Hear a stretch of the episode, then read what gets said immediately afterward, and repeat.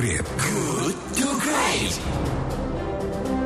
Kita masih bersama di sesi diskusi Good to Great because good is the enemy of great dari Radio Kelait 107,1 FM Bandung's Inspiring Sound dan kita masih membahas topik tentang paradoks pembebasan napi di tengah pandemi corona. Dan kita sudah terhubung dengan narasumber berikutnya yaitu dengan Pak Ali Aranoval, Direktur Center for Detention Studies. Selamat pagi Pak Ali. Selamat pagi. Ya, bagaimana kabar Anda Pak Ali? Alhamdulillah. Alhamdulillah sehat walafiat. Semoga terus kita semua diberikan kesehatan dan kekuatan ya Pak Ali ya. Ya. ya Pak Ali ini Anda melihat bagaimana pendapat Anda, pendapat Anda ya tanggapan Anda mengenai kebijakan pemerintah melalui Kemenkumham yang membebaskan 35 ribu lebih narapidana di tengah pandemi corona ini Pak? Iya. Jadi kebijakan tepat ya. Uh, napi yang apa itu apabila tidak dibebaskan uh. maka akan menyebabkan resiko okay. penyebaran COVID yang lebih uh, parah dan itu akan sulit diatasi. Mm-hmm. Itu karena uh, napi ini harus juga diberikan perlindungan, ya, yeah. tidak hanya uh, mereka yang memang masyarakat bebas di luar. Gitu. Yeah. Nah, karena pemerintah melihat bahwa pemerintah tidak memiliki ketidakmampuan, maka mereka kemudian membuat kebijakan untuk melepaskan.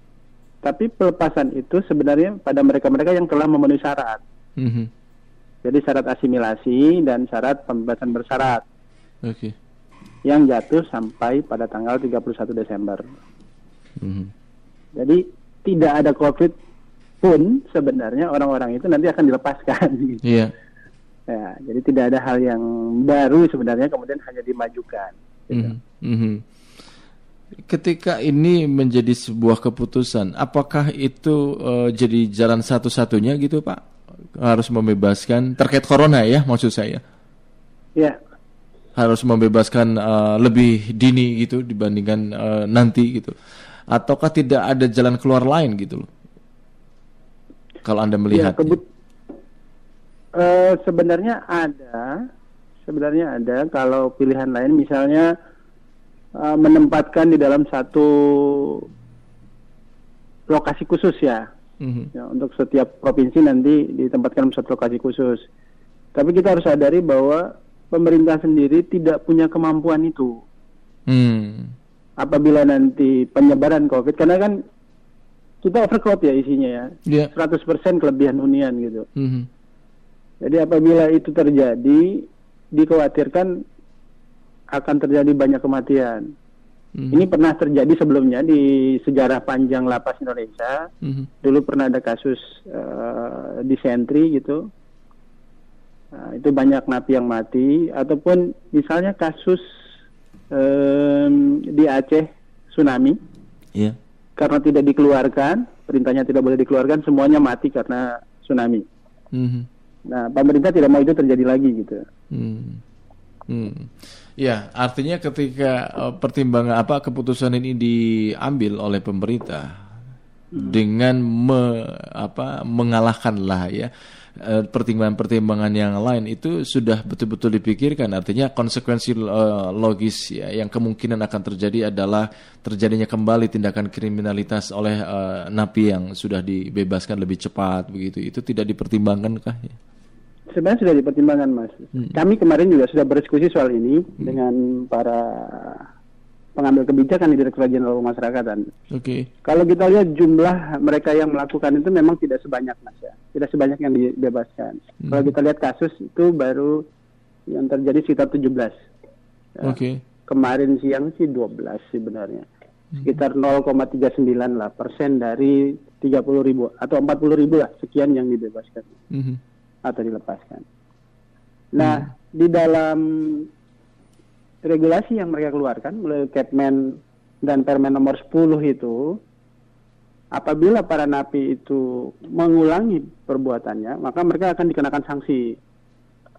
Oke. Okay. Memang kelemahan dari kebijakan ini adalah tidak disosialisasikan terlebih dahulu satu. Kemudian yang kedua itu tidak melibatkan aparat pemerintah lokal ya, polisi, hmm.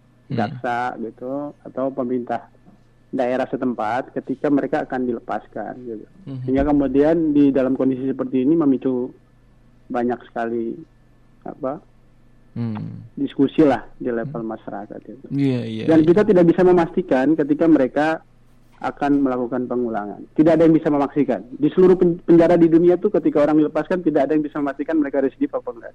Betul, betul. Tetapi kan paling hmm. tidak ketika itu dibebaskan dalam suasana tidak ada corona mungkin kemungkinan untuk hmm. mengulangi tindakan kriminalnya uh, menjadi lebih kecil dibandingkan dengan sekarang ketika mereka dibebaskan. Mungkin juga mereka berniat untuk lebih baik ya tidak uh, menjadi manusia yang lebih baik.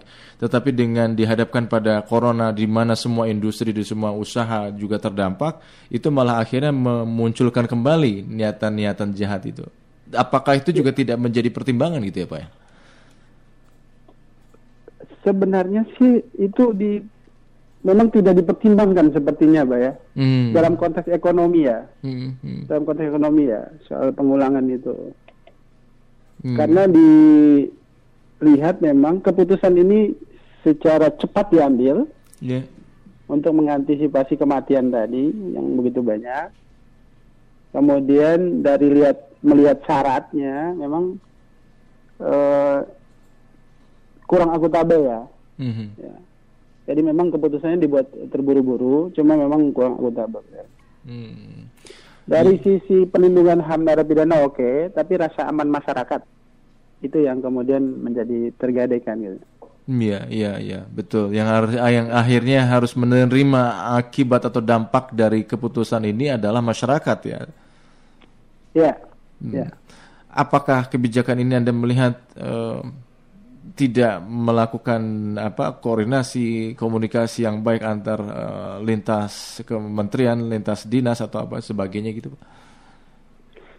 Ya, koordinasi harusnya dilakukan. Itu yang tadi saya katakan bahwa sebelum kebijakan ini disusun harusnya menteri harus berkoordinasi terlebih dahulu ya. Mm -hmm.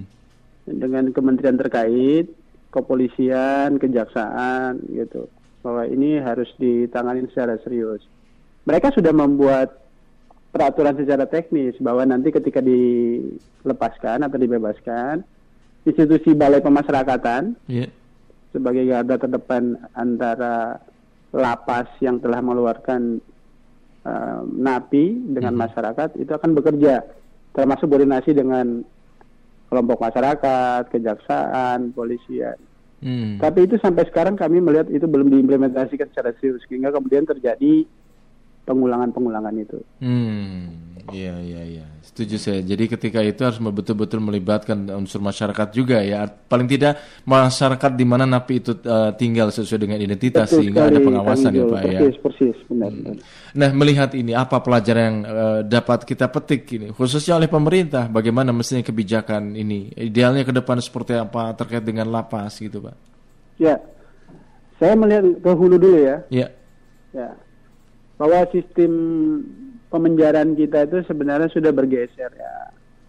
Makanya hmm. disebutnya lembaga pemasyarakatan gitu. Hmm. Jadi tidak tidak melulu soal deterrence dan apa pem, pembuatan rasa sakit kepada mereka yang dihukum. Karena hmm. sistem penjara kita itu ada yang bernama sistem pemasyarakatan. Hmm. Pendekatannya adalah bertanggung jawabnya masyarakat terhadap mereka. Oke. Okay.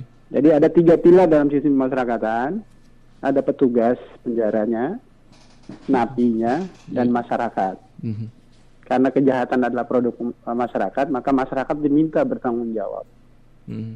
uh, untuk ikut juga mengawasi minimal, kemudian berkontribusilah dalam pembinaan narapidana di dalam lapas. Ini yang jarang diketahui oleh masyarakat. Yang hmm. kedua, tidak konsisten antara APH, polisi, jaksa, hakim dengan sistem pemasyarakatan yang bekerja sehingga kemudian kelihatan bahwa tiga PH tadi berlomba-lomba memasukkan sebanyak mungkin narapidana ke dalam penjara mm-hmm. kemudian sistem pemasyarakatan mempunyai kebijakan untuk mengeluarkan secepat-cepatnya narapidana ke masyarakat mm. nah, sehingga kemudian menurut kami uh, harus selektif lah uh, pihak kepolisian terutama dengan kejaksaan untuk memasukkan sebanyak mungkin orang ke dalam penjara gitu. Hmm. Itu itu penyakit di hulu yang sampai sekarang belum selesai. Hmm. Sehingga kalau kita lihat tidak konsisten, ada institusi yang memasukkan, ada institusi yang cepat-cepat mengeluarkan. Hmm. Ini sistem hukum kita yang tidak tidak apa namanya integratif gitu ya. Yeah, yeah, yeah.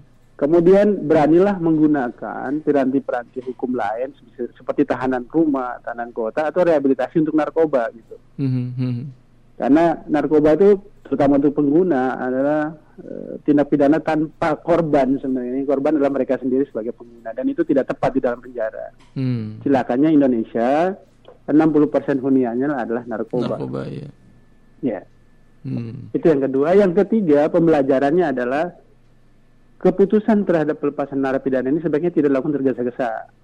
Mm-hmm. Harus berko apa harus berkoordinasi lintas sektoral, lintas APH sebelum kebijakan itu dilakukan.